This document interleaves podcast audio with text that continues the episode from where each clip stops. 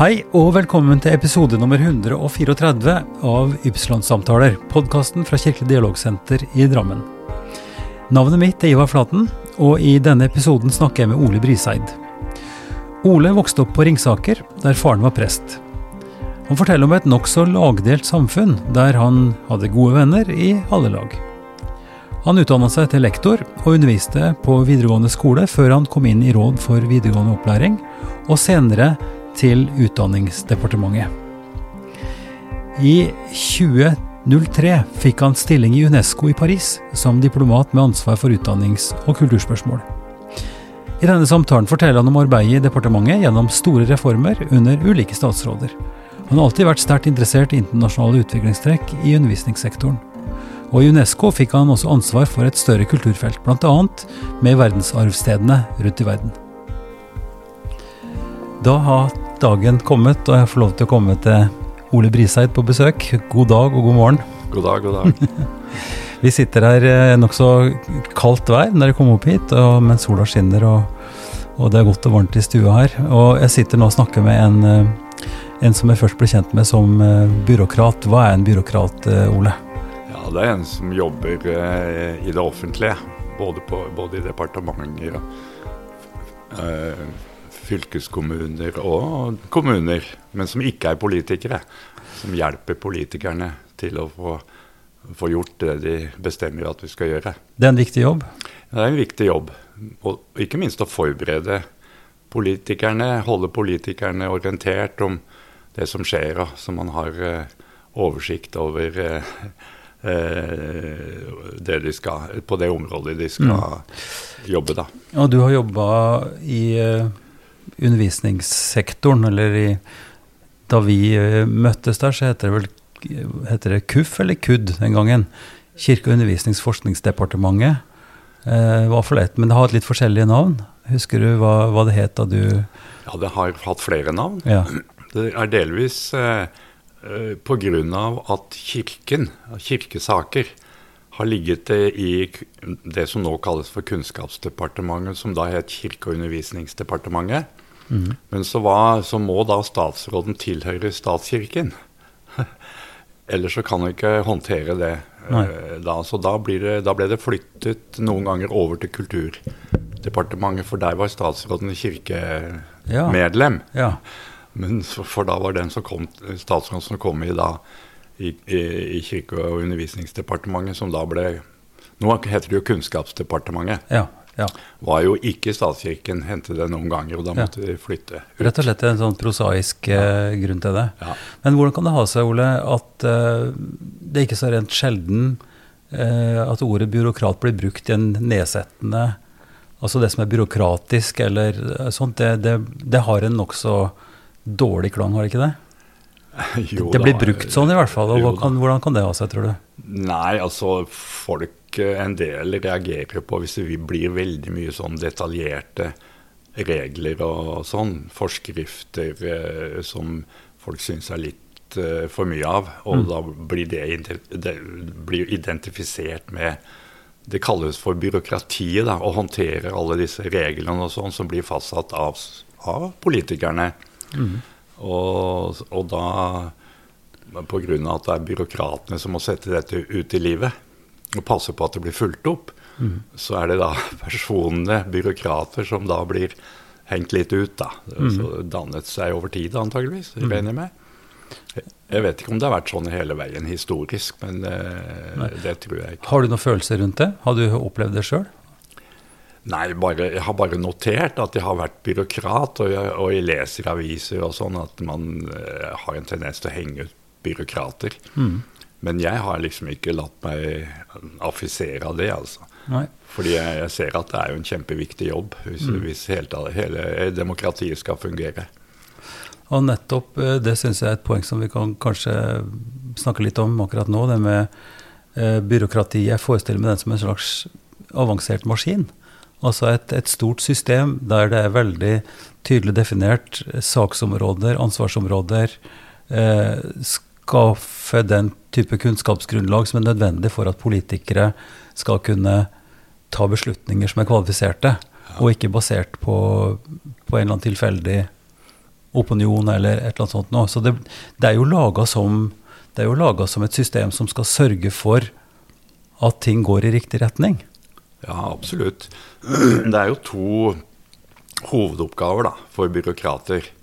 Det ene er å forberede politikerne og deres avgjørelser mm. ved å, å, følge med på forskning på området, øh, følge med på hva som skjer i landskapet, hva, hva andre måtte mene øh, om det man da tenker å gjøre, og samle inn mest mulig øh, både erfaring og kunnskaper. Mm. Sånn at de er veldig godt forberedt før statsråden f.eks. et departement da, går til regjeringen med en sak. Mm så må det være veldig godt uh, utredet. Og så må det være konsekvensanalyser. Hvilke negative og, og, positive følger kan dette få? Hvor mye kost, vil det koste på sikt? Mm. Og så, videre. så det er den ene jobben som er veldig viktig, hvor politikerne er helt avhengig av å ha et ganske godt, kompetent byråkrati. Mm. Og så er det da, når politikerne så tar avgjørelsene, enten det er i regjering, storting, eller det er i en kommune eller en fylkeskommune, så er det da å få satt dette ut i livet. Mm. Og da kommer byråkratene inn igjen mm. og, og, sørger for at det blir gjort. Og at eh, lover og forskrifter blir fulgt opp. Mm. Det som er fascinerende i det norske systemet, og sikkert mange andre, jeg ikke så, har ikke så god oversikt over det, men at, at byråkratiet sitter der når eh, regjeringene skifter. Altså når det politiske systemet blir forandra gjennom valg, så vil fortsatt byråkratiet sitte der for å tjene den nye politiske ledelsen. Uh, og sånn er det ikke overalt. I, vet, i USA så, så, byttes også byråkratiet til en stor del ut med et, en ny administrasjon. Uh, hvordan oppleves det? Å, å måtte sitte med, med, med såpass altså, det kan jo bli ganske store forskjeller, egentlig, eller er det kanskje ikke så store forskjeller? Nei, så I Norge så er jo egentlig forskjellene mellom de forskjellige politiske partiene og blokkene ganske, ganske små da, i forhold til hva du ser i USA. Mm. Men eh, jeg, jeg, vil si at jeg syns byråkratiet sånn som jeg kjenner det, og særlig, særlig på nasjonalt nivå, da, er at man er veldig flinke til å omstille seg når det kommer en, en ny statsråd inn mm. fra et nytt parti. Uh, og, og, da Ja, jeg brukte med en gang man skjønte at her ble det endring, og da gikk vi inn i partiprogrammene, uh, erklæringen som de måtte ha før de kom inn mm. i, i, regjeringssystemet, og for, lagde notater og sånn for å forberede da eh, politikerne som kom inn, så de visste hva som hadde skjedd tidligere. Og også hva som kunne tenkes å gjøre, måtte gjøres innenfor det de kom for å gjøre. Mm. Veldig flink til å omstille seg, syns jeg. da, Det var min eh, erfaring. Så sterk lojalitet til den til enhver tid sittende politiske ledelse. Mm. Det tror jeg, Sånn tror jeg det også er ute i fylkes... Uh, og, og, kommuner også, at man er lojal mot uh, politikerne og det de bestemmer. Men det betyr ikke at man, et, byrå, et byråkrati må også være kritisk. Mm.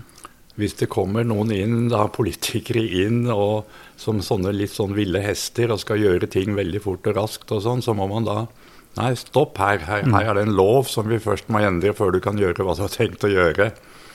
Og noen ganger så, hvis de ikke har fått med seg alle, alle motforestillingene til en sak, så må vi sørge for at de får det. Mm. Så, så, er det en viktig jobb. Eh, jeg fikk jo også en periode jobbe i, i, som byråkrat i departementet. Og jeg husker det gikk, et, eh, det gikk liksom nærmest et sukk gjennom oss når vi satt og fulgte med når en ledende politiker skulle ut og snakke, kanskje en statsråd. Når eh, når han løfta eller hun løfta blikket fra manuset og begynte å snakke fritt. altså den der følelsen av at en har planlagt noe, noe som, som, er både politisk, administrativt og byråkratisk, eller i sakens anledning da riktig, men så er det kanskje noen personlige behov, eller man begynner å snakke litt fritt. Har du hatt den der magefølelsen, at, at statsråder eller andre har snakka ut av manus og havnet et annet sted? Ja, det absolutt. Så, men det er jo en del av eh, dealen. Mm. Og særlig hvis da politikere er ute og det er spørsmål om mer penger til et eller annet, at de da er for raskt ute med å si ja, det skal jeg ordne med. og så kommer tilbake til departementet, så er det ikke så enkelt å ordne med det likevel. Så, så, men det er en del. De har jo full rett til å si hva de måtte mene når de er ute. Ja. Og vi legger oss jo opp i, opp i det. Men vanligvis så skriver en statsråd Det er, det er sjelden en statsråd drar ut uten et manuskript. Mm. Og vanligvis så forholder de seg til Ja, det, men, ja. men noen ganger, og har lest det på forhånd. Vanligvis. Mm. Det hender nok at de ikke har lest det før de kommer på talerstolen, men vanligvis så leser de det. Og noen ganger så tar de noen sånne, sånne steg utafor manuskriptet, og det kan noen ganger være litt sånn at man blir litt svett. Hvordan skal vi greie å ordne dette her når vi kommer hjem? Ja, ja. Men så, det går som regel bra, da. Eh, Kanskje vi skal si litt, om du kan fortelle litt om eh, de forskjellige si, funksjonene i et departement da, som var, som var din arbeidsplass, i hvert fall da dere ble kjent med det. og du hadde tittelen ekspedisjonssjef.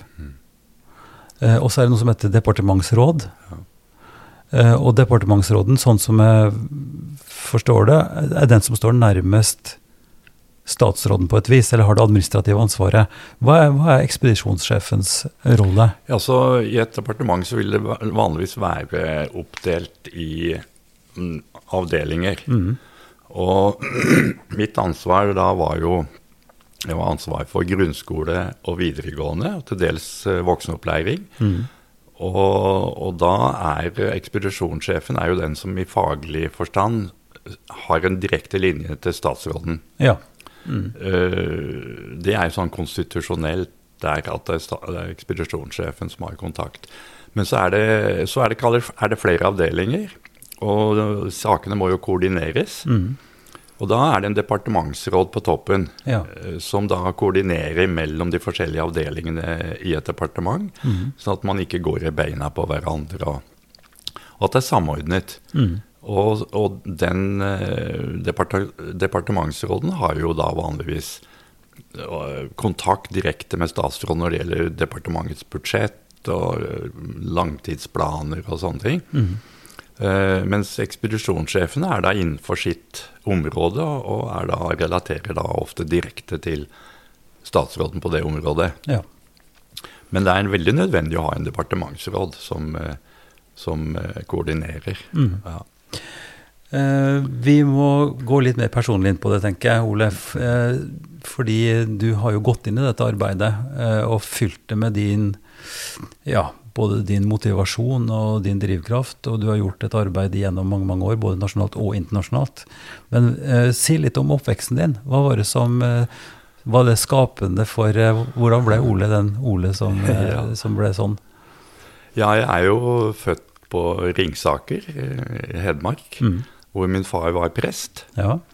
Så jeg, og der bodde jeg hele oppveksten før jeg begynte å studere. Og det er klart det at det var prestebarn har jo sine konsekvenser for hvordan Ja. man tenker eh, videre i livet. Men når det gjaldt eh, Var, det å være prestebarn et problem? Var det sånn at du ble det som heter mobba? Du, var det problematisk? Nei, det var egentlig ikke det. Nei? Jeg, ble, jeg, ble, jeg følte ikke at jeg ble mobbet i det hele tatt. Eh, Verken for det eller for noe annet. Nei, nei. Hadde eh, høy status. Jeg vokste opp i et veldig klassedelt samfunn. Okay.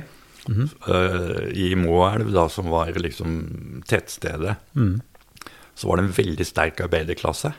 På Moelven bruk var en stor bedrift, og, og veldig sånn polit, politisk Ja, mange var kommunister på den tida da jeg vokste opp.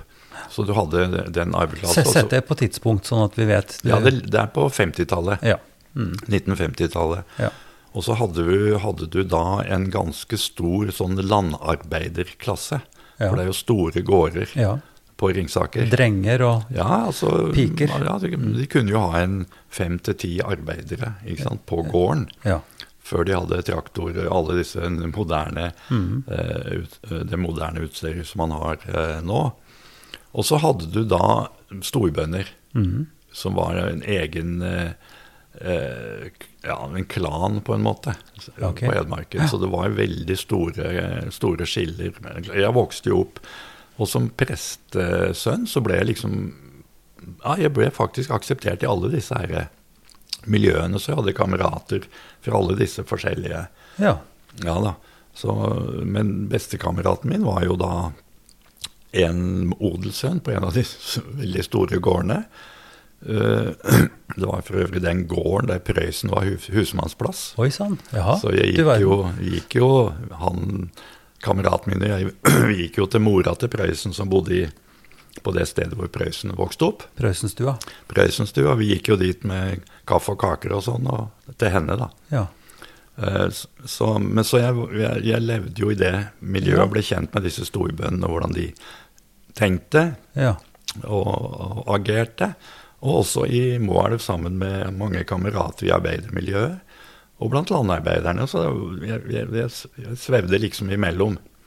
Men ellers så var det jo ganske tette skott mellom disse forskjellige gruppene. Vil du si at, eh, at presten, altså faren din da, i det tilfellet her, eh, hadde god Altså var respektert i alle disse kretsene, eller var det en følelse av at presten hørte til liksom embetsmannsstanden og var en del av det øvre, litt bornerte, kanskje?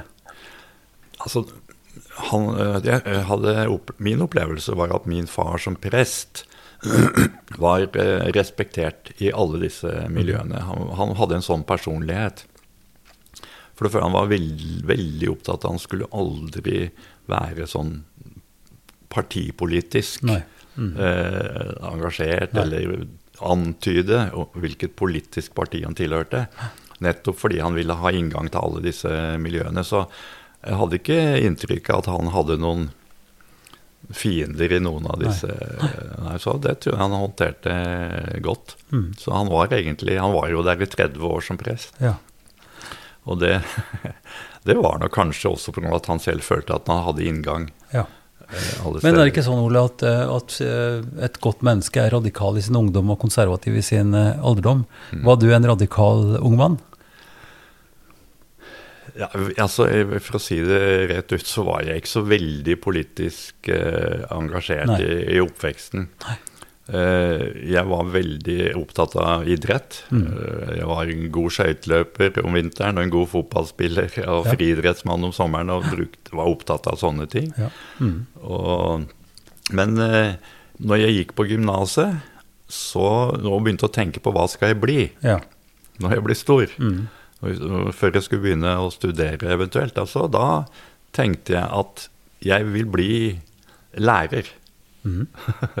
og jeg vil bli lærer i det som er eh, videregående Ja. nå, for jeg syns det måtte være utrolig interessant. Mm. Å være sammen med ungdom i den alderen der, Mm. Ja, ja. før de skulle liksom ut i livet og sånn. Så jeg begynte å studere med tanke på det, at jeg skulle få det interessant som lærer sjøl. Mm.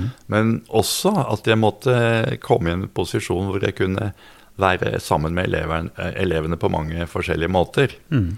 Og snakke med dem om viktige, alvorlige ting. Så jeg, jeg så, tenkte, så måtte jeg ha noe å leve av, så jeg tenkte engelsk vil jo alltid bli viktig framover. Så det så jeg jo veldig tydelig den gangen. Så jeg tok engelsk som hovedfag, og så har jeg kristendomskunnskap. Sant? Da har du etikk og kan snakke med elevene om viktige spørsmål, andre religioner og sånn. Og så har jeg gått på idrettshøyskolen. ja. Så da kan jeg være sammen med de på tur og i Ja. idrettshallen og i dusjen og, Ja. Ja. og sånn. Og, og det, så jeg så fram til et liv som, ja. Mm. som lærer i, i videregående, og det var jeg for så vidt òg, da. Mm. En, en god del år før jeg liksom ja, fikk De fikk ikke direkte kall, men de ble spurt om å komme inn i Rådet for videregående opplæring. ja. Og så fikk jeg liksom et kall fra departementet om vi ikke kunne komme over i Ja, departementet.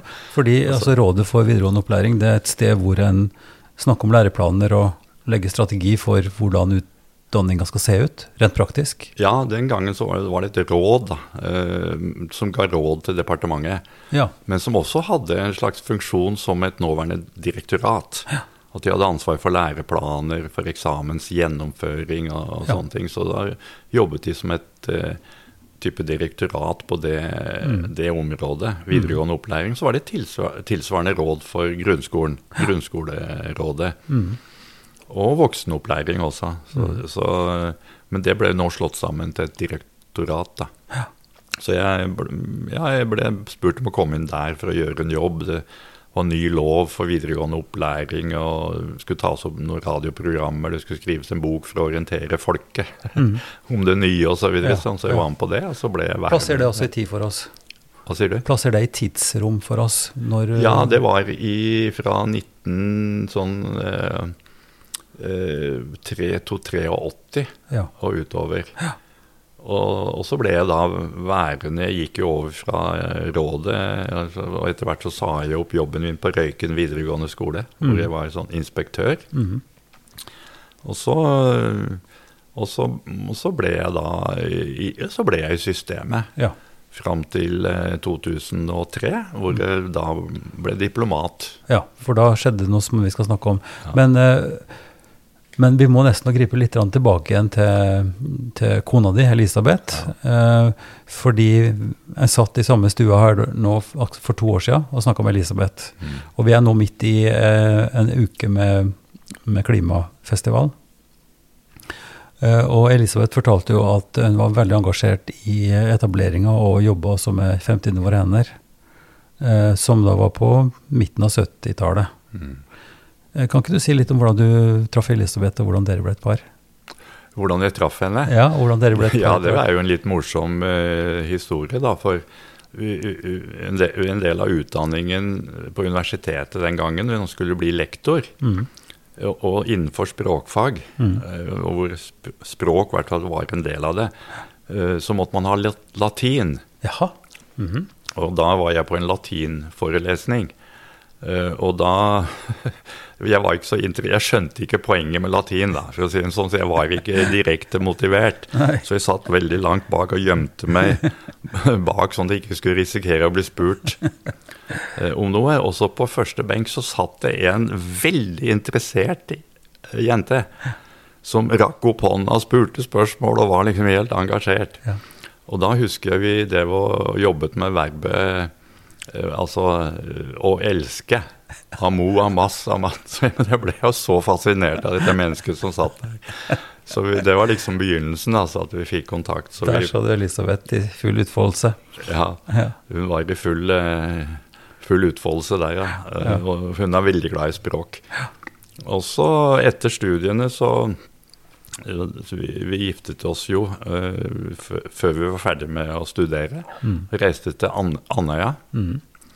Og, og da eh, Damman var det i 72, var det det han kom med? Han skrev boka i 72, tenker jeg. Ja, på 73 var det kanskje at han kom, hadde en sånn stor kjempesamling. Det var i 74. 74. 74 april, Ja, tror jeg. vi, for vi var jo da på Andøya, på Ja. Andenes. Vi jobbet i skolen begge to. Mm. Og da husker jeg vi, vi hørte på det der, Mm. og det var jo nesten nærmest en omvendelse ikke sant, for oss. Ja. Eh, og han snakket om ja, ulikheten i verden Ja. og, og liksom må, vår måte å leve på, og at dette måtte endres osv. Så. Ja. så vi, vi ble veldig engasjert i det der, Mm. begge to. Mm. Og har vært det siden. ja. Så, så omvendelse indikerer jo at det er en omvendelse fra noe og til noe annet. Nei, egentlig ikke, for vi levde jo ganske enkelt og sånn den Mm. gangen også, men vi, vi, ja, det ble satt ord på ting vi hadde gått og tenkt på. da. Og endelig så er det liksom en som står fram og tar tak i det som vi opplevde som det eh, Og som vi fremdeles opplever, er det største, største Men, men det er jo en interessant eh, tidsperiode. altså Vi snakker om midt på 70-tallet, og det sam, sammenfaller jo med både studentopprør i Paris om en type radikalisering og en, en slags eh, skal vi si, motstand mot etablerte strukturer, kolonialisme. Altså på et, på et globalt eller på et verdensplan. Så det er en slags oppvåkning Ja. eh, med en bevissthet om verden henger sammen på en annen måte enn vi hadde tenkt og trodd. Uh, og at vi blir engasjert, for dette gjelder jo flere enn dere to, naturligvis. Det, det er en hel, jeg tror det var snakk om en titusende som responderte på et, et slags et, et, et, skriv som gikk ut som en slags forberedelse til det møtet ja. uh, som damene uh, arrangerte. Så det var mange som ja, ble, ble vekt opp, da, eller som ble omvendt, som du sier, til en type bevissthet om at dette angår jo faktisk meg. Eh, og det gjaldt dere to, og Elisabeth da kanskje eh, Hun var jo like engasjert, antageligvis, og like sterk i det som hun var i, i latinske verb, muligens? ja. ja. hun var veldig engasjert. Mer enn meg, egentlig, da. For hun, mm. hun, hun, Og det har hun vært hele veien. Ja. Og når det gjelder eh, Så fulgte jo da ene var den overdådige måten vi lever på, rent sånn materielt. Eh, er jo en ting. Så hun begynte jo med liksom, eh, kornkarbonader og ja. liksom, alle ting, sånne ting. For ja, ja. å ikke, ikke, spise for mye kjøtt og sånn. Det var tidlig på 70-tallet. Mm. Og det gikk så langt at jeg en gang sa til middag Nei, Elisabeth, nå er grensen nådd.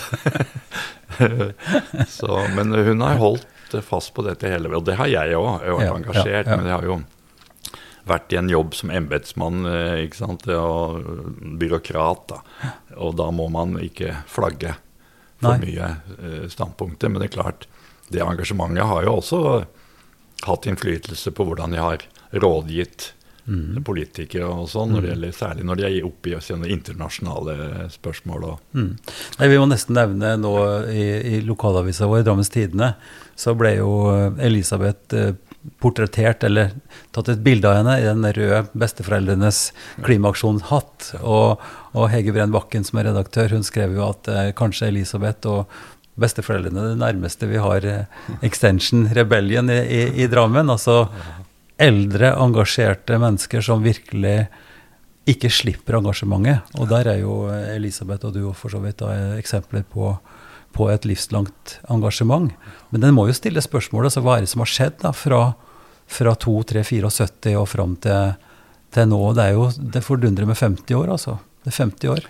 Ja, det er, eh, det er, det er, det er rart at det skal ta så lang tid. Eh, det er først nå. altså Det har jo vært en opp, gradvis oppvåkning, eh, vil jeg si. Og særlig sist i forhold til klima og forhold mellom måten vi lever på og klimaspørsmålet. Mm. Det, og Elisabeth har jo vært uh, veldig engasjert uh, hele veien. Mm. har stor kunnskap om området.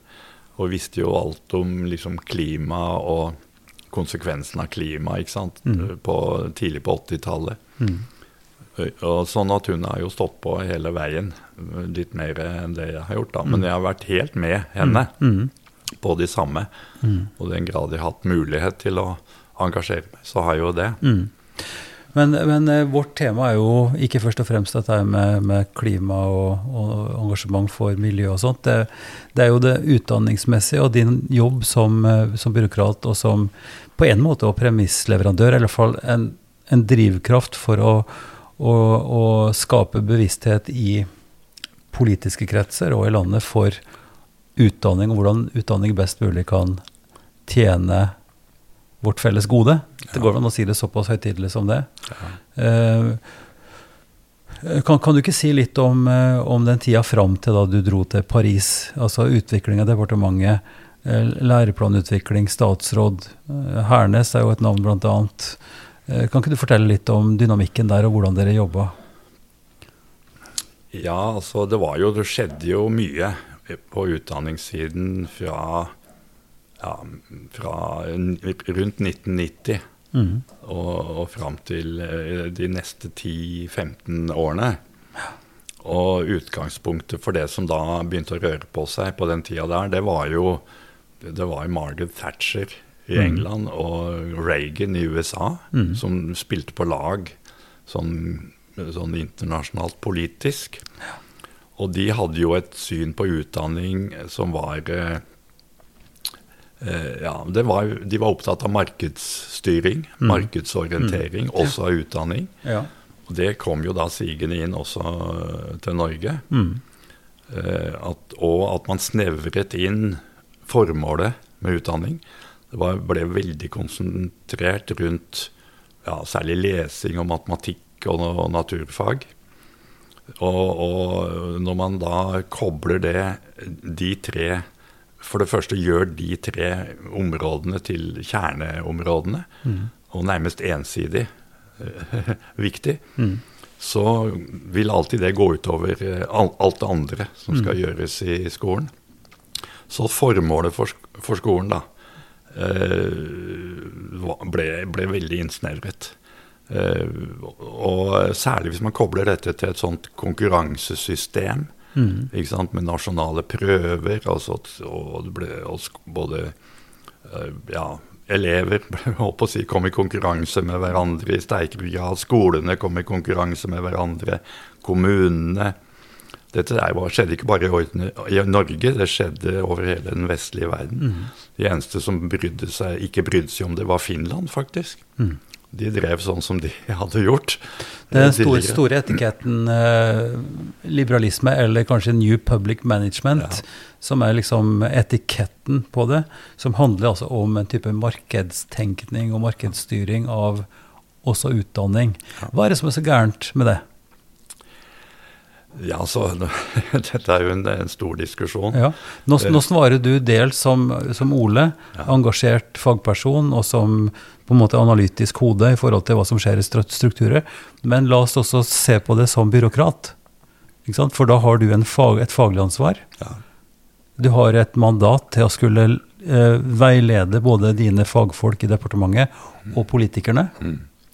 Eh, dette kunne ikke vært bare enkelt. Nei, det er klart ikke, var, det var ikke enkelt. For jeg, jeg fulgte jo med på utviklingen internasjonalt. Helt fra midten av 80-tallet, faktisk. Og så den bølgen som nå var i ferd med å bygge seg opp. Så jeg var jo litt engstelig, for jeg, jeg så jo det. For forskningen fulgte jo med. Hva, hva skjer? Lærer de mer?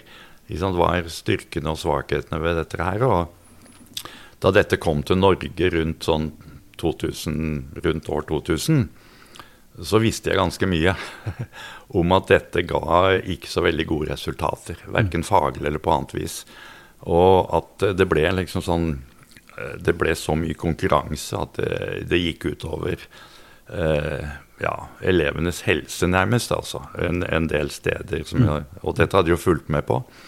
Og de faglige resultatene, selv innenfor de fagene eller de områdene som var liksom prioritert, de eh, resultatene ble ikke noe bedre om man hadde dette systemet.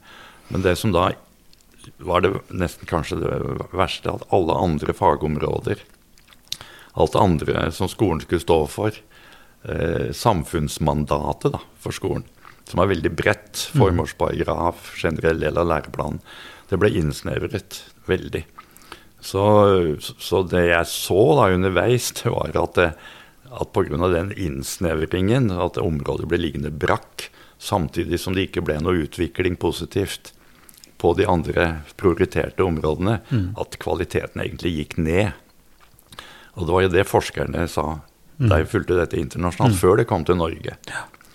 Så når det kom til eh, Norge, så, så var det et sammenfall der som gjorde at også denne skal vi si, markedsorienteringen, den liberalistiske jobbingen da, med konkurranse og alt dette ble, ble innført med den politiske den regjeringen som da kom i 2001. For dette har det, har det er en sammenheng, indre sammenheng her mellom de politiske skal vi si, vindene, eller politisk retning og, og, og valg som blir gjort av en hel lang rekke ulike altså Årsaken er jo veldig mangesidig. Ja. I et Norge som da begynte å virkelig merke eh, styrken i oljeinntekter. Altså det var en, en utvikling økonomisk, en velstandsutvikling og en politisk utvikling som kanskje også da la større vekt på markedet. Og som er en del av en større altså Det er jo veldig interessant hvordan du sier at det kom til Norge, er en nødvendighet. Det er jo ikke, det er jo ikke en nødvendighet. Du bruker Finland som eksempel, som valgte å ikke gå inn i det. Ja. Så det er jo ikke, det er jo ikke determinisme. Det er jo uttrykk for valg og, og bestemmelser. Men som du da ikke Ja, altså skal jeg si, ikke du klarte å stå opp mot det, men, men du, du ringte noen bjeller? Alarmbjeller, eller? Hva kan en jeg, byråkrat gjorde, gjøre? gjorde jo det innenfor de rammene som er mulig. Ja, nettopp.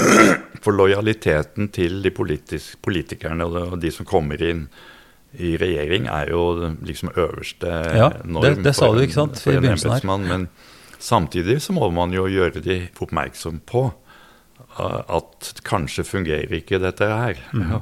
Også jeg følte det som veldig viktig å følge med på alt som skjedde internasjonalt. Mm. Så jeg var jo mye i Europarådet, eh, fulgte med på det som skjedde der, og hadde også eh, var på mye møter der, i OECD, som er liksom den økonomiske siden av dette her, eh, eh, Unesco, Nordisk ministerråd, for å følge med på utviklingen internasjonalt. Ja. For et lite land som Norge, det er ikke vi som legger premissene for det som skjer i utdanningen ofte. Nei. Vi tror kanskje det. Men sånne bølger som da kom, og som hadde så stor innflytelse, eh, og ville kunne få, jeg så at jeg ville kunne få det, den var det veldig viktig å følge med på. ja. Det gjorde jeg. Eh, men, eh, men ofte så er de bølgene så sterke. Ja. Og det gjelder jo ikke bare utdanning, det gjelder jo på flere områder. Ja, Ja? Samtidig, så, så hvis man ikke er veldig godt forberedt på bølgene på forhånd, ja. sånn at man kan på en måte forberede seg på skal vi nå hive oss på den bølgen eller ikke, så er det det som skjer ofte, kanskje, det er at bølgen oversvømmer som en tsunami som du ikke greier annet enn å Så du må, du må bare forholde deg til det? ja, det, jeg tror nok det. For det, også, det er klart det, du, skal være ganske sterk, du skal være ganske sterk politisk for å motstå en sånn bølge. bølge. Så det var ikke særlig opposisjon eh, i Norge eh, fra noe parti da dette kom. Nei. Det var litt tendenser, litt sånn krusning av, eh, av eh, uenighet og sånn rundt disse nasjonale prøvene og konkurransen rundt de nasjonale prøvene. Der var det litt, men det, det la seg. Mm. sant? Nå, nå er dette i ferd med å gå over. Det, det endres nå. Men eh, det har tatt da fra 20-30 år, altså, fra, fra denne bølgen kom. Og jeg, jeg så at den nærmet seg Norge på slutten eh, av 90-tallet. Ja. De, de, faga som eh, da får mindre oppmerksomhet, eller som du tenker eh, blir, blir skadelidende i en sånn eh, utvikling, da snakker vi estetiske fag? Ja, vi snakker om egentlig alle andre fag, eh, så, sånn som situasjonen ble. Altså, Det er liksom nærmest en lovmessighet i at hvis du snevrer inn og sier at dette er viktig, her har vi nasjonale prøver, her har vi konkurranse, skolene blir bedømt på, på akkurat de fagområdene der, så blir det meste annet liggende brakk. Det gjelder både andre fag, estetiske fag, sånn som musikk, og, og det gjelder, eh, det gjelder eh, samfunnsfag. Altså, det blir liksom borte. Og ikke minst da dette her med å hjelpe elevene i deres personlige utvikling, og jobbe med eh, etiske spørsmål og ja, sånne ting. Blir også, det blir, kommer helt nederst på rangstigen. Så da kan jeg jo spørre da om, om du ble litt eh, skal vi si, sliten av alt dette her, og, og så i 2003 så, så fortalte du at du ble diplomat, du flytta til Paris. Eh, Hva var bakgrunnen for det? Nei, jeg fikk jo Jeg fikk jo først et, eh, et, eh, et halvt år i Paris som sånn Altså, vi hadde jo jobbet voldsomt hardt en periode, nærmest døgnet rundt i flere år. Og så var det Lilletun som kom og sa at nå skal du bare ta et halvt år. Ja. og da var vi i Paris og jobbet da i et institutt som lå under Unesco, og hvor Gudmund Hernes på den tida var direktør. Ja. Han bodde i Paris. Så ble jeg koblet til det instituttet et halvt år.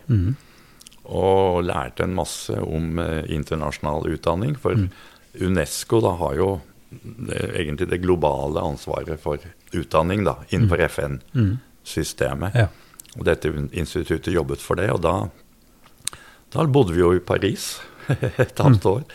Og da det, da det kom en mulighet i, i 2003, da de skulle ha en egen person i UNESCO norske Unesco-delegasjonen, som skulle være heltid og ansvarlig for, for UDs arbeid i forhold til Unesco, så var vi interessert i det. Både Elisabeth og jeg. Og vi hadde ikke tenkt å bli der så lenge som vi ble, men vi Vi ble der i hvert fall i bortimot sju år Ja. i Paris. Og hadde jobbet med hele verden.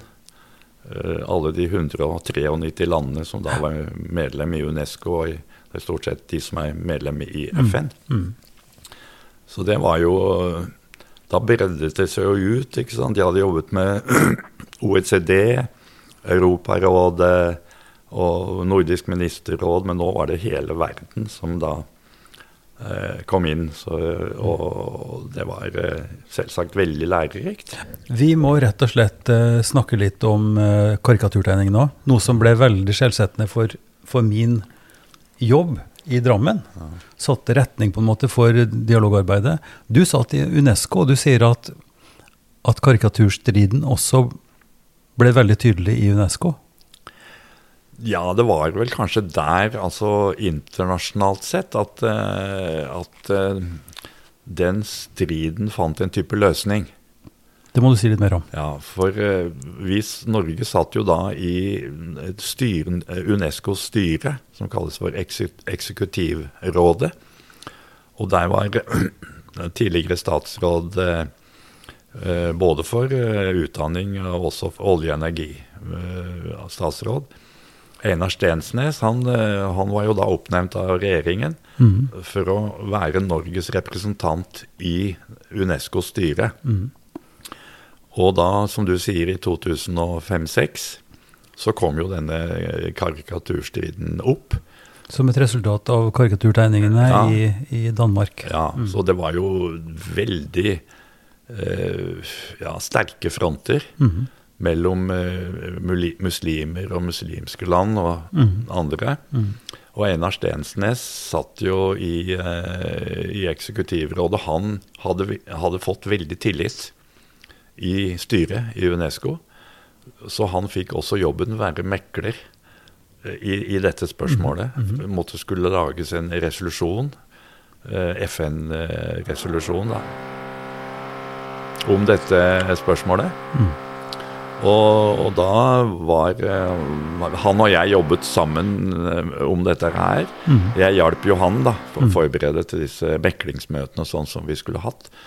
Og han greide da på en utrolig eh, flott måte å komme fram til en, en, en resolusjon mm. som på en måte bila dette, og ble, man ble enige om, eh, om eh, hvordan man skulle takle dette videre. Ja. Og da falt dette på plass, rett og slett, internasjonalt. Mm. Det var sikkert eh, spenninger her og der eh, etterpå. Men det var en utrolig flott jobb Einar Stensnes eh, gjorde Ja. eh, den gangen. Husker du noe spesifikt hva det var som, hvilke grep eller hva det var som gjorde at dette fant en løsning, bortsett fra hans tyngde og tillit, da, åpenbart? Ja, jeg, jeg, husker ikke, Nei. rett og slett. Det er såpass langt tilbake at jeg husker ikke hva som står konkret nei, nei. i den resolusjonen. Nei. Men det var i hvert fall sånn at alle parter da, den gangen var enige om at dette var en måte å leve videre på Ja. ja. framover. Ja. Så det var, snakk, det var jo så brennbart den gangen at det gjaldt bare å få det til å slutte å brenne, for å si sånn, i Mm. første omgang. Mm, ja. Og siden så har det jo Det popper jo opp litt sånn med jevne mellomrom, men eh, etter den eh, resolusjonen der så falt mye Mm. sånn på plass, da. Sånn at han hadde en gjensidig forståelse. Det var mye det var snakk om. At man hadde respekt for muslimene som på en måte reagerte som de gjorde. Mm. Og, sam, og samme andre veien, at de hadde forståelse for vår holdning i, i saken når det gjelder ytringsfrihet og sånne ting. Hva slags problemstillinger er det du, du sitter bak? Hva, hva var hovedgreiene? Hva var det viktigste du holdt på med da? Hva var det som var forskjellig fra den virkeligheten i Norge med, med sant, de, den der konkurransevridninga med det liberale Hvordan skifta perspektivet da du kom til, til Unesco? Ja, for det første så Når du begynner å jobbe med disse internasjonale spørsmålene Her var jo fokus FN, også Unesco, har jo hovedfokus på de fattige landene. Ja. Eh, Og det første du ser når du begynner å se deg rundt, også på utdanningssektoren, hvor utrolig privilegerte vi er i Norge. Mm. Og, og hvor, hvor, hvor, hvor vanskelig de har det i veldig mange land. Mm. Og da vi kom der, så på utdanningssiden Unesco jobber jo med flere områder, så jeg var jo ansvarlig for alle. Mm. Både, både vitenskap, kultur, også sånn kommunikasjon, hjelpe med radio og TV, mm. passe på journalistene ikke blir drept osv. Så sånn. Så, men eh, på utdanningssiden så var det jo 'education for all'. Mm. Hvor noen land ikke sant, hadde jo ja, Barna fikk eh, Det var store grupper som ikke fikk utdanning i det hele tatt. Mm. Det var, eh, da jeg kom der, så var det 100 til UNESCO i 2003. Da var det 110 millioner barn som ikke fikk, var helt utafor utdanning. Fikk ikke utdanning i det hele tatt. Så vi hadde jo veldig fokus på det fra norsk side. side. Og brukte veldig mye tid og energi på å få det på dagsordenen eh, internasjonalt. Mm. Og da må du jo jobbe sammen med de, ja, de landene som har mulighet til å bistå med det. Mm. Og, og, og ja, i det hele tatt så var det det viktigste på en måte, da. Men jeg, også innenfor eh, kultur. Eh, vi satt jo i så, såkalte verdensarvkomiteen Mm. eh, i fire år, og jeg var jo veldig aktivt med på det. Mm. Og, og, se, altså bli kjent med verdens kulturarv. Ja. Eh, og, og vi tror at vi har kul veldig mye kultur i Norge. Mm. At de fattige landene er liksom uten kultur. Men det er jo fantastisk mye kultur i disse landene. Så det var den positive siden av å se en del utviklingsland Mm. som har veldig mye verdifull eh, kultur som de har all grunn til å være stolte av. Så. Mm. Men på utdanningssiden så var det jo veldig store utfordringer. Så det var mye det vi jobbet med fra, fra norsk side. Men det er jo sammenhenger her, Ole, som en kunne grave litt i. Altså, du er jo et kirkemenneske, eh, og vi vet eh, koblinga mellom imperialismen og misjonen, f.eks. Den tvetydige koblinga der misjonærer og sånt gjorde kanskje et grunnlagsarbeid ofte for å bevare språk, eh, bidra til, til, de, det til utdanning osv., men samtidig var en del av, bevisst eller ubevisst, eh, med vilje eller som en følge, også bidro til en type utarming og, og den urettferdigheten som vi også da i stor grad ble be gjort bevisst på midt på 70-tallet. Ikke sant? Både utdanningsmessig med disse her u-landskursene som vi hadde og, og sånt noe. Eh, hva tenker du rundt det? Altså, er det sammenhengen der òg som eh, som du var klar over, som du på en måte var det bevisst når du jobber med dette? At dette er en slags vi kommer løpende etterpå nå for å reparere noe som vi kanskje har bidratt til sjøl på en eller annen måte? Ja, nå, nå jobbet jeg jo mest etter 70-tallet. Ja. Men eh, i, i den tiden som jeg observerte akkurat dette med liksom misjon og sånn i, Mm. i, forhold til det, så, så var det en, en periode, en sånn positiv utvikling, at man ble mer og mer opptatt av. Mm. Eh, at man eh, ikke måtte At man måtte skille litt bedre kanskje mellom de kulturene man faktisk kom, kom til, og Mm. respektere de kulturene og den levemåten osv. Så videre, sånn, samtidig som man prøvde å arbeide med det kristne evangeliet. og sånn, Så der var det en positiv utvikling. Mm. Som kom, i, kanskje, kom som et resultat av den diskusjonen Mm. og det oppgjøret man hadde eh, noen tiår tidligere. Så jeg Mm. tror man jeg tror, eh, min, Mitt inntrykk er at misjonsorganisasjonen er mye mer bevisst på Mm. dette enn de var. Mm. Hvis du går, Særlig hvis du går langt tilbake i tid, så Mm. var det lite tenkning Mm. eh, rundt akkurat det å skille tingene Mm. fra hverandre. Så, men det, det som var det Det som var, syns jeg er det skal vi si verste, da, det er å se eh, konsekvensene av koloni, kolo, koloniseringen av disse landene, og hvordan det fremdeles opprettholdes. Og hvordan da vår velstand i Norge bl.a., men også i andre vestlige land, er bygd opp på utarming av de fattige landene. Mm. Og koblingen mellom det og den manglende viljen til virkelig å bistå nå. Mm. Nå ser vi det Ja, vi har sett på utdanning, har vi jo sett det lenge. Nå ser vi det på klimafronten.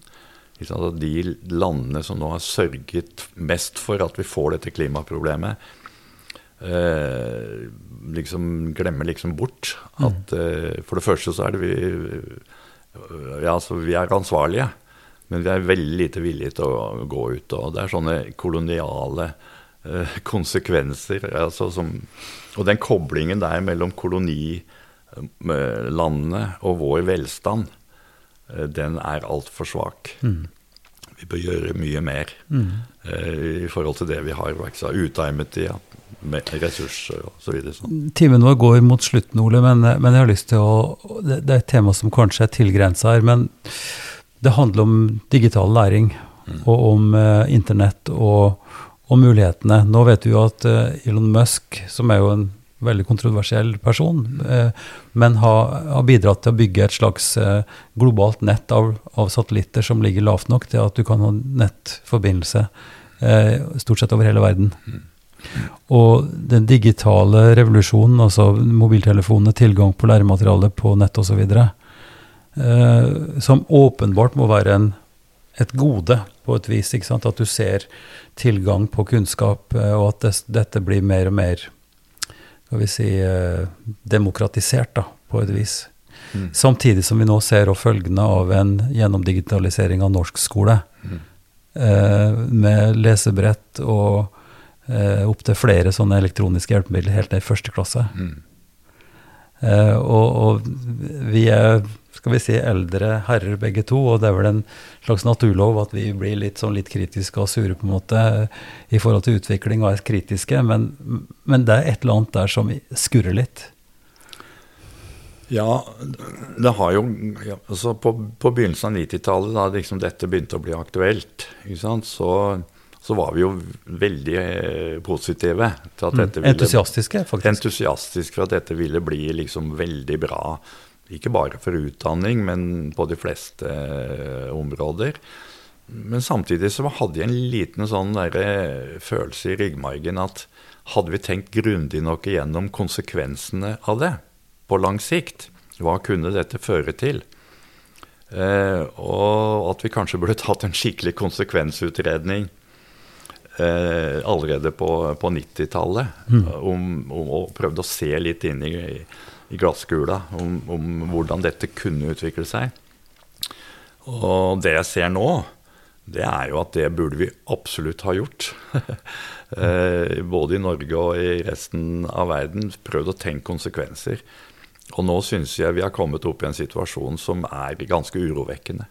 Rett og slett urovekkende når man ser da det, Man ser jo det positive som dette kan bidra til, med spredning av kunnskap og spredning av kontakter osv. Så videre, sånn over hele, hele, verden. Men på den annen side så har vi gjort oss helt avhengig av det. Eh, på, på, de fleste områder, og det, det, det hadde man ikke tenkt igjennom. Vannforsyning osv. osv. som nå kan rett lett bare en som er veldig gode hackere, kan mm. torpedere oss ille i stand. Men, men også da i skolen så er det jo nå signaler om at dette Forskningssignaler som vi har fulgt de siste årene om at dette er ikke bra. Mm. Det er ikke bra at elevene stort sett sitter med PC-er, og, og, læreren blir også litt sånn, litt sånn marginalisert. Liksom skal administrere programmer på PC-en. Så, og så har du hele strålingsproblematikken, som eh, jeg tror kommer til å komme med stor styrke. Som Frankrike har tatt konsekvensen av, hvor de er veldig tilbakeholdne med både telefoner og nettbrett og PC-er i grunnskolen pga. stråling. Mm. Og nå får vi 5G, hvor det ikke er tenkt konsekvenser hvor da Dette blir jo mangedoblet, eh, både stråling og, og, andre konsekvenser av Så det er eh, Vi skulle ha tatt en større gjennomtenkning den gangen. Og mm. nå føler jeg at vi har kommet til en situasjon der det er veldig vanskelig å rigge ut igjen. Jo, men altså, vi, kunne jo hatt en konsekvensutredning på 90-tallet, men det var ingen av oss som, eh, som så Steve Jobs, f.eks og som så utviklinga av den iPhone som kom i 2007, Ole. Som nå Jeg tenker det sosiale, eh, det sosiale følgene av at alle går og kikker ned i en håndholdt enhet, som vi kalte telefon før i tida, men som nå er alt mulig annet enn telefon. den sosiale følgen av det, og hva det gjør med interaksjon, og, og, og hva vi er blitt nesten altså, avhengige av. Det er, en, det, det er, jo en, type sosiologisk og altså Jeg tenker på det med, med mulighetene for å eh, mobbe, da, f.eks. Mm. Altså, som en ser nå, den siste undersøkelsen viser jo at det er økning i mobbing over hele, hele fjøla. Mm. Sånn at det, ja. Jeg synes det, det, ja. det, er vanskelig å skille de tinga fra hverandre. Og, og, som du sier, hvordan skal en reversere det? Hva er det en skal legge vekt på for å for å skape både sånne sosiale og menneskelige nettverk som gjør at en får fotfeste i verden, og motivasjon og får lyst til å ja. Det er ganske store spørsmål vi risper her nå på slutten. Ja, akkurat det du peker på der er jeg helt enig i. Det er, eh, det er veldig urovekkende, etter mitt syn. Mm. Uh, uh, så, så ideelt sett så skulle man nå hatt en mulighet til å legge ned internett noen år. ja. Og så tenke gjennom hvordan går vi videre. I stedet så blir vi fanget av nye. Ja, ja. Uh, nå er det som sagt 5G som gjør dette enda, uh, enda mer Men hvis vi skulle ta en sånn avslutning da på den positive sida, hva er det som for din del, Ole, hva er det som gir livet mening? Hva er det som gir motivasjon? Hva er det du får styrke av som gjør at vi kan leve i dette her, den verden som vi lever i nå? Hvis du skal gi Kall det et råd, eller bare som, eh, som gir mening og glede? Ja, nå begynner jeg å nærme meg 80 år, så jeg må jo, jeg må jo begynne å tenke på at det går, det går bare én vei, for å si det sånn. Så det mm. opptar meg jo. Så jeg er selvsagt veldig opptatt av, eh, og, og takknemlig da, mm. for at jeg har ti friske barnebarn. Mm. Altså fire barn med familie og sånn som mm. lever og har det bra. Og så syns jeg at eh, jeg syns det er eh, positivt at det nå ser ut til å bli en skikkelig skal vi si, vekkelse da, i gåseøynene rundt klimasaken. Mm. Som, eh, som, virkelig det, det, det, gleder meg. For jeg, sier, jeg, tror vi er kommet til et sånt vendepunkt nå. Mm. At, at, i hvert fall er det mange nå, i forhold til hva det var for noen få år siden, som skjønner alvoret. Mm. Og så vil engasjere meg. Og de gir meg liksom litt eh, livsmot inn i de siste årene ja. av mitt, mitt liv. Ja. Og jeg ser en lysning mm. på, på, akkurat det. det jeg, jeg, ser ikke, kanskje ikke så veldig, ja, veldig mye av denne fordelingen på global basis som jeg hadde håpet. Så, men jeg håper også, og der blir vel også klimasaken en, en, en prøve, prøvestein, da, om man man vil faktisk hjelpe u-landene nå til å komme gjennom den krisa som eh, kommer, særlig fordi de. Jeg ser jo tegn, det er i hvert fall oppe på dagsordenen. Mm. Og det, det, gir meg også litt håp. At vi ser det, at dette vil i siste instans slå tilbake på oss i form av klimaflyktninger og sånn. Mm. At det er en oppvåkning der, det gir meg litt sånn uh, energi og mm. litt, med, litt, mot fram mot mm. min siste time, da. Mm, mm for å si det sånn. Så, så jeg har Men jeg har veldig mye å være takknemlig for. Mm. Det har jeg. Og godt nettverk og, som jeg prøver å ta vare på. Ja. Venner og har en, er en bibelgruppe i Østenstad som virkelig er flott. Ja, som gir ja. meg mye, mye energi og, og, og lyst til å leve videre. Være sammen med venner, eh, snakke sammen, Lese. Ja. Eh, bokhylla er viktig. Ja. Eh, samtalen er viktig. Ja, Denne har vært også fin. Ole, jeg takker deg for at du ga meg litt tid til å få høre litt om det du har bidratt med opp igjennom. Og så ønsker jeg deg lykke til med både motivasjon og det du bidrar med ja. til daglig. Så takk skal du ha. Takk skal du ha. Vi er nå i gang med sesong fire. År nummer fire i Ypsilon-samtaler. Podkasten er fortsatt støtta av eh, Drammen kommune gjennom eh, IMDi-midler, eh, av Einar Juels legat og fra Barne- og familiedepartementet. Vi planlegger ca. 40 episoder også i 2023, og er veldig interessert i innspill med forslag til personer som vi kan invitere og snakke med. Ansvaret for podkasten er det undertegnede, Ivar Flaten, som har og jeg produserer de for Kirkelig dialogsenter i Drammen. Du når meg på e-post ivar krøllalfa, ifd.no. Jeg håper at jeg hører fra deg.